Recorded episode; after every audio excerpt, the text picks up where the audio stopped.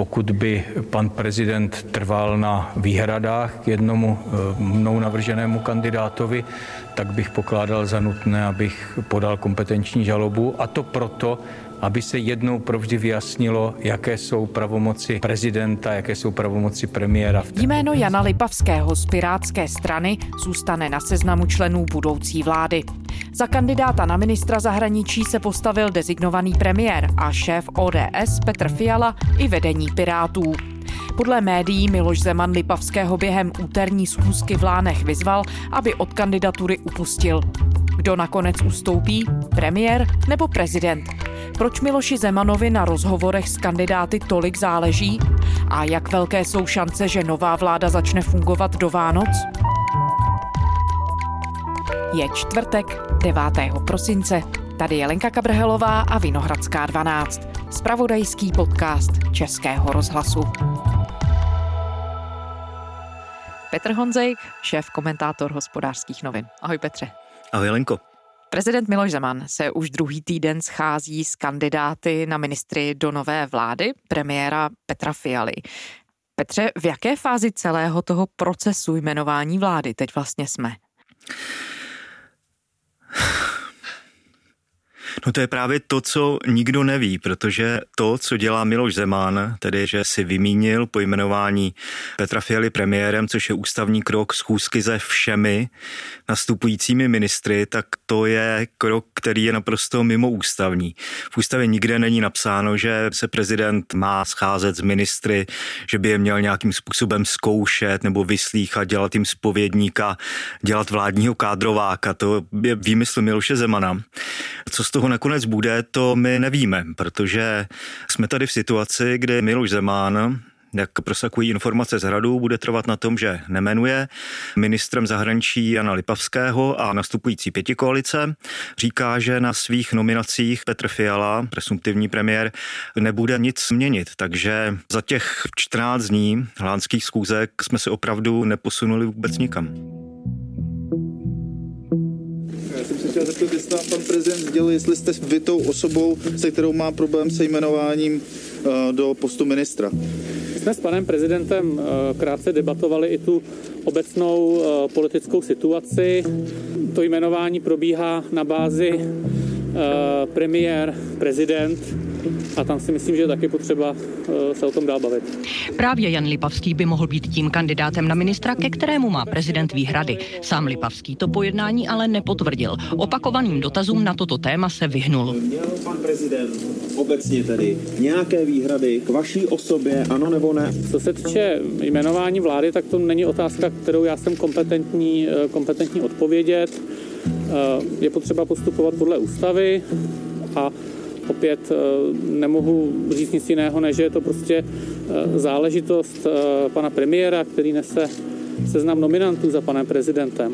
Designovaný premiér Petr Fiala z ODS pak na Twitteru napsal, že na nominaci kandidátů do jeho vlády se nic nemění. Za Lipavského se postavil i předseda Pirátů Ivan Bartoš s tím, že jde o kvalitního a kompetentního kandidáta. Ty personální otázky v tuto chvíli nejsou na stole, ostatně i vyjádření Petra Fialy ne na sociálních sítích, ale i dlouhodobě je, že ta vláda má vzniknout tak, Eh, jak byla eh, na koaličním jednání sestavená. Petr Fiala předložil eh, kompletní sestavu té vlády a takto postupujeme dál směrem k tomu 13. možná 15. prosinci, kdyby pan prezident měl tuto vládu na základě předložených men dle ústavy jmenovat.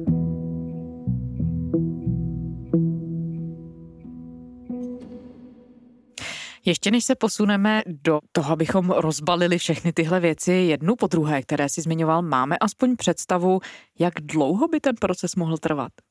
No tak samotné schůzky ty by měly skončit už nyní. Je naplánovaná finální schůzka pana prezidenta Miloše Zemana s premiérem Petrem Fialou na 13. To je pondělí. Ano, a tím by se ten proces, pokud by to probíhalo tak, jak by to podle ústavy probíhat mělo, měl ukončit, nemělo by nic bránit jmenování vlády. Jenomže Nevíme, co bude, nevíme, co udělá Miloš Zeman a nevíme, jaká bude přesná reakce Petra Fialy. Pojďme popsat, co se v Lánech tedy v tuhle chvíli vlastně děje. My máme samozřejmě jenom omezenou možnost nějakým způsobem rekonstruovat. Máme k dispozici záběry, kde prezident je kvůli koronaviru za plexisklem, na druhé straně místnosti sedí dotyčný kandidát nebo kandidátka. Po tom rozhovoru se většinou ti kandidáti omezí na konstatování, že ta schůzka proběhla dobře. Co ale víme doopravdy o tom, jak ty pohovory skutečně vypadají a co se při nich děje? Z rozhovorů s některými kandidáty vím, že to opravdu není nic moc hezkého.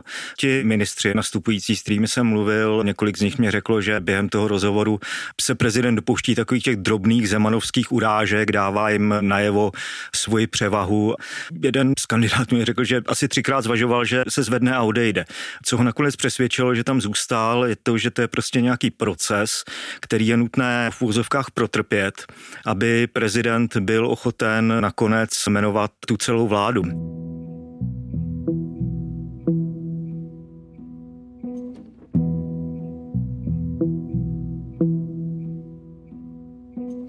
Existuje teorie, že celá ta lánská šaráda, která, jak znovu zdůrazňuje, absolutně mimo ústavní, je součástí dohody Petra Fialy s Milošem Zemanem, možná zprostředkované nastupujícím ministrem spravedlnosti panem Blaškem, že budou provedeny tyto schůzky, prezident bude po nemoci opět ve světle reflektorů, bude si moc připadat jako největší v vozovkách politický šéf v celém Česku a za tuto mediální slávu, řekněme, za tento pocit významnosti by pak měla být jmenována vláda tak, jak ji vlastně Petr Fiala navrhuje.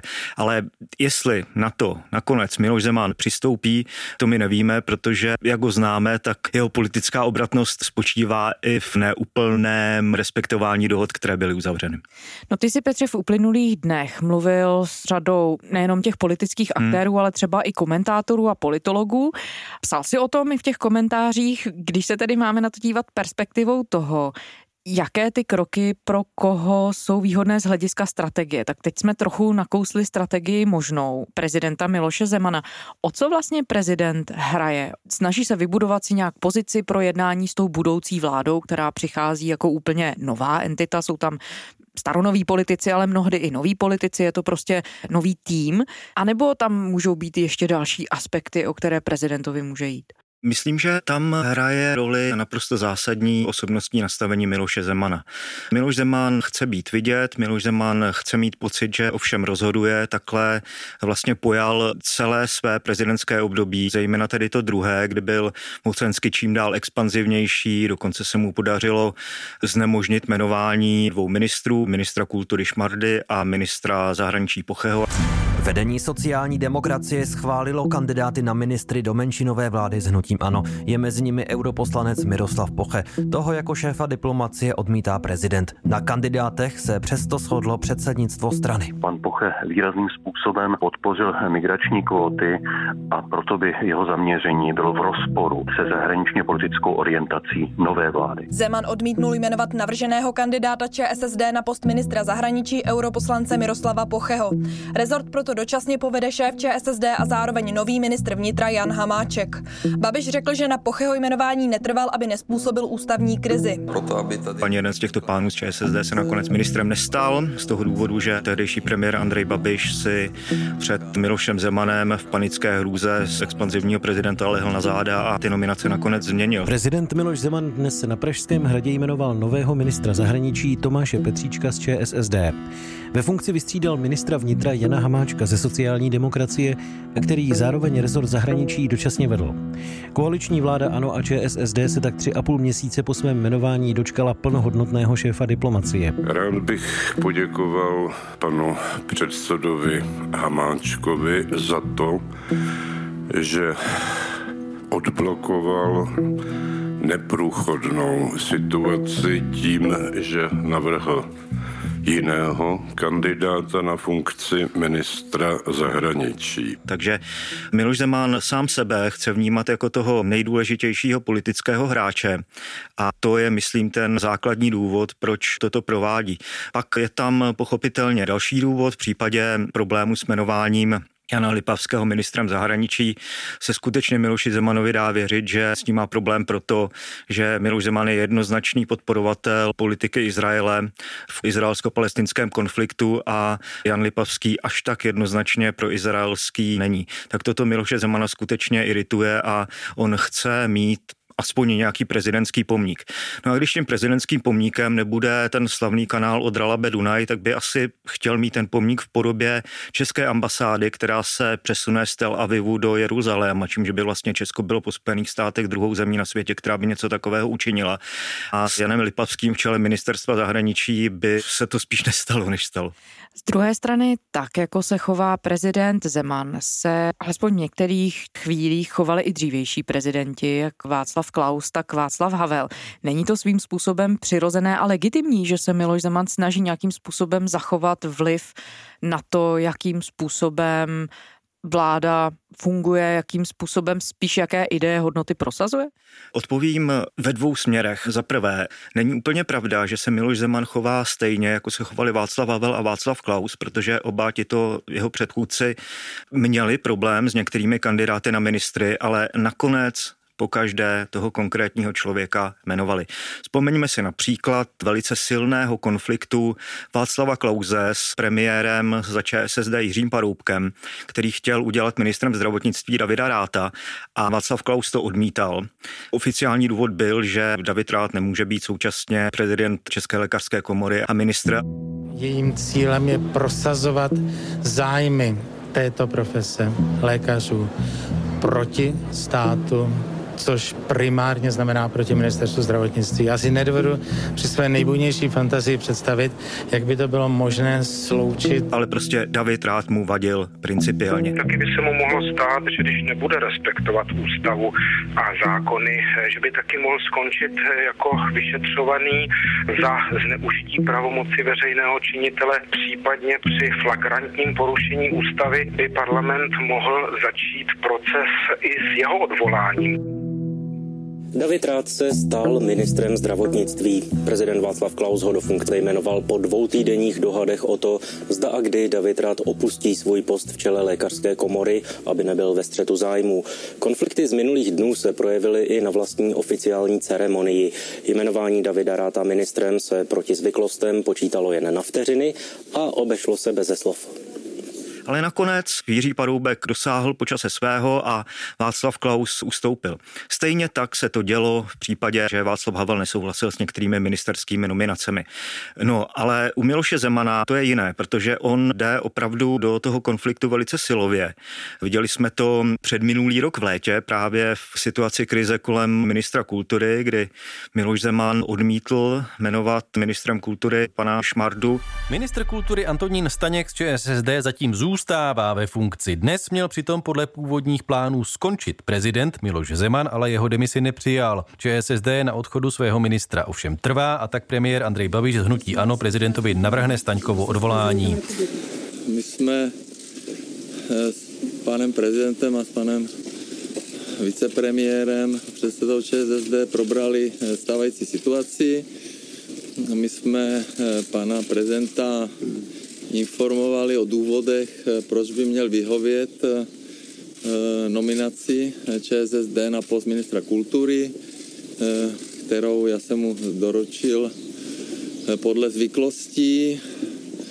My jsme si vyměnili názory, pan prezident nás informoval o jeho názorech na, na rezort kultury, na, na pana Staňka, na pana Šmardu a skutečně nakonec to v praxi dopadlo tak, že jak Andrej Babiš, tak i tehdejší předseda ČSSD Jan Hamáček ustoupili a ministrem kultury se stal nakonec Lubomír Zaorálek. Místo předseda ČSSD Michal Šmarda se vzdal nominace na ministra kultury. Večer to oznámil předsedovi ČSSD Janu Hamáčkovi.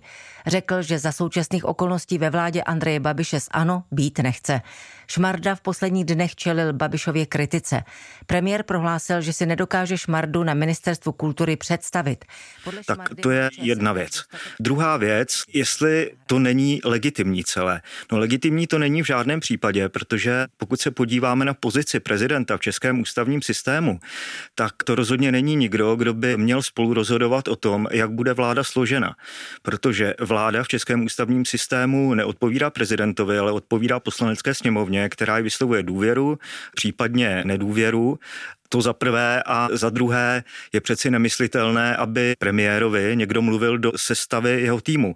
Jak by mohl premiér odpovídat za činnost své vlády, kdyby mu někdo jiný dělal personalistu? Z těchto dvou důvodů to absolutně nedává smysl a Miloš Zeman tím jednoznačně překračuje limity, které by v českém ústavním systému měl mít. Zmínili jsme strategii Miloše Zemana. Pojďme se podívat na to, jakou strategii nebo oč může hrát designovaný premiér Petr Fiala, šéf ODS. Jaké kroky před sebou on pozičně má a z jakých pozic vlastně on vychází? Co o tom víme? Petr Fiala je ve velice obtížné pozici, protože jeho vláda je pětikoaliční, musel vít přirozeně vstříc personálním nominacím jednotlivých politických stran na jednotlivá ministerstva. Můžeme spekulovat o tom, jestli se mu jednotliví kandidáti líbí nebo nelíbí, ale to prostě už v politice tak bývá, že ta situace je rozehraná, takže nemůže diktovat koaličním stranám, koho na to které ministerstvo posadí. Co teď tedy může Petr Fiala dělat? Teoreticky by mohl začít jednat s šéfem Pirátů Ivanem Bortošem, jestli by si Piráti třeba nominaci na ministra zahraničí nerozmysleli, což je, myslím, velmi nepravděpodobné, protože to by se ukázali Piráti jako slabá strana, nemohou si to dovolit už vzhledem k tomu, že ve volbách utrpěli opravdu těžké šrámy.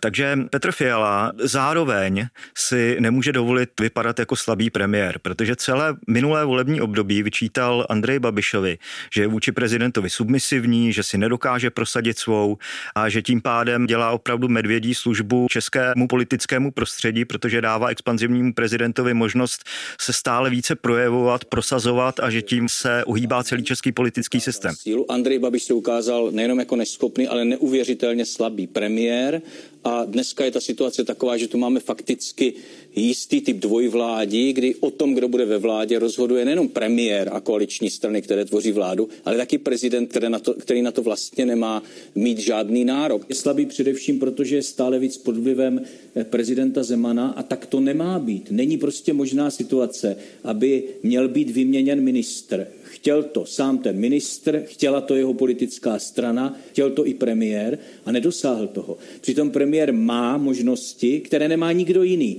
jak k tomu eh, prezidenta dotlačit. Například je to podání kompetenční, eh, kompetenční žaloby. Ale to... Takže teď, kdyby Petr Fiala ustoupil Miloši Zemanovi a přišel s nějakou jinou nominací na ministra zahraničí, tak by vlastně popřel sám sebe a stal by se do značné míry směšným. Takže jemu nezbývá nic jiného, než ten konflikt s prezidentem, do kterého se mu tedy opravdu nechce, protože nikdo nechce v Česku bojovat s Milošem Zemanem, aby ho nějak dohrál do konce.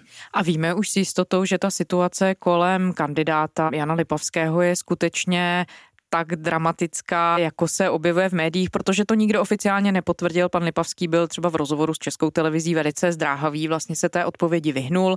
Z prezidentské kanceláře také nemáme žádné jasné slovo. Jak daleko tedy se ten spor teoreticky může stupňovat? Ten spor se může a nemusí vystupňovat. Existuje teorie, že Miloš Zeman ví, že v tomto sporu, kdyby byl vyhrocen až do konce, že vlastně nemůže vyhrát.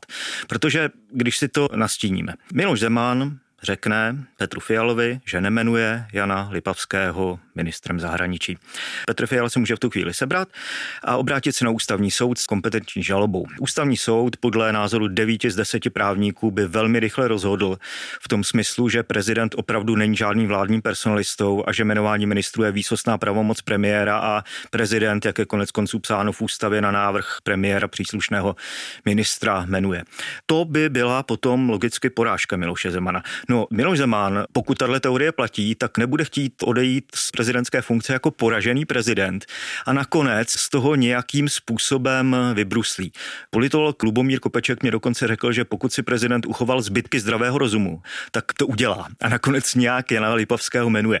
Nabízí se tam takový Cimrmanovský úkrok stranou, v tom smyslu, že by řekl, že oficiálně mu nevadil Jan Lipavský, ale že mu vadil kandidát na post ministra průmyslu a obchodu Věslav Michalik. Jeho žena měla kyperský biznis, on sám byl skoro stoprocentním vlastníkem fondů, které vlastní prezident velmi neoblíbený solární biznis. Takže by prezident řekl tak a tento problém je vyřešen, protože Věslav Michalik se sám vzdal své nominace, je tam jiný kandidát, s tímto jsem měl problém, už žádný problém nemám, Petře Fialu, já ti tu vládu jmenuju. Takhle se to může odehrát, všem odehrát se to samozřejmě nemusí, pokud si prezident řekne, že do toho konfliktu půjde na sílu. Tohle všechno vede k situaci, kdy se protahuje doba, než má Česko jmenovanou vládu. Co to pro republiku v tuhle chvíli znamená? Teď víme, že procházíme pátou vlnou koronaviru, která tedy podle některých náznaků z hlediska čísel možná už začíná kulminovat, ale nevíme to asi ještě jistě. Odborníci v tomhle definitivní závěry nevynášejí. Jaké důsledky to má? Myslím, že to má pro Českou republiku důsledky drtivé. Protahování jmenování vlády je, myslím, snesitelné v situaci, kdy země neprochází žádnou krizí. Česko, kromě té krize koronavirové, kterou si zmínila, prochází ještě dalšími dvěma krizemi, které se budou stupňovat. Za prvé je to krize energetická, po krachu firmy Bohemia Energy. Tady budou opravdu tisíce lidí, kteří nebudou mít na zálohy za energie a toto se bude stupňovat. Další krize je krize inflační. Už teď to vypadá, že inflace bude dosahovat 7-8% hodnoty, něco, co jsme tady opravdu neměli měli dlouhou řadu let, lidé budou přicházet po značnou část svých úspor, budou problémy s hypotečními úvěry a tak dále a tak dále. Česko zkrátka prochází kombinovanou krizí a je logické, že v téhle době potřebuje vládu, která bude motivovaná s plnou legalitou a legitimitou s těmito krizemi bojovat. Odcházející vláda logicky už to má, jak se říká na vojně, za pár tak rozhodně nebudí dojem, že by s tím byla schopná, ochotná, vůbec měla motivaci s tím něco dělat. Takže protahování, předávání moci v této situaci je naprosto trestuhodná záležitost a já se nebojím říci, že to bude stát i hezkou řádku lidských životů. V tuhle chvíli je asi těžké odhadovat, jak dlouho to může trvat. A to se vracíme k tomu, o čem jsme mluvili na začátku. Máme alespoň hrubou představu, jestli by třeba Česko mohlo mít vládu už do Vánoc? Pokud ustoupí Miloš Zeman, tak budeme mít vládu do Vánoc. Pokud Miloš Zeman ten konflikt bude hrotit, tak vládu do Vánoc mít nebudeme. Je tady ovšem ještě jedna možnost, která by byla, řekněme, kompromisní, o které se hovoří v kruzích zejména ODS, nyní. A to je ta, že by Petr Fiala na oko ustoupil Miloši Zemanovi, což znamená, že by se na ministerstvo zahraničí dočasně posadil například sám, tím by nahrál prezidentovi, který by měl pocit, že si prosadil svou, že Jan Lipavský ministrem nebude, tím pádem by byla vláda jmenována, mohla by začít fungovat, no a den poté Dva dny poté by Petr Fiala podal na ústavní soud kompetenční žalobu. Ústavní soud by v nějaké době, pravděpodobně v řádu v několika týdnů či maximálně měsíců, rozhodl, že prezident nemá co mluvit do nominací do vlády a Petr Fiala by poté předložil návrh na jmenování Jana Lipavského ministrem zahraničí. S rozsudkem ústavního soudu už by Miloši Zemanovi nezbývalo, než to nakonec udělat a tím pádem by vyhrál Petr Fiala.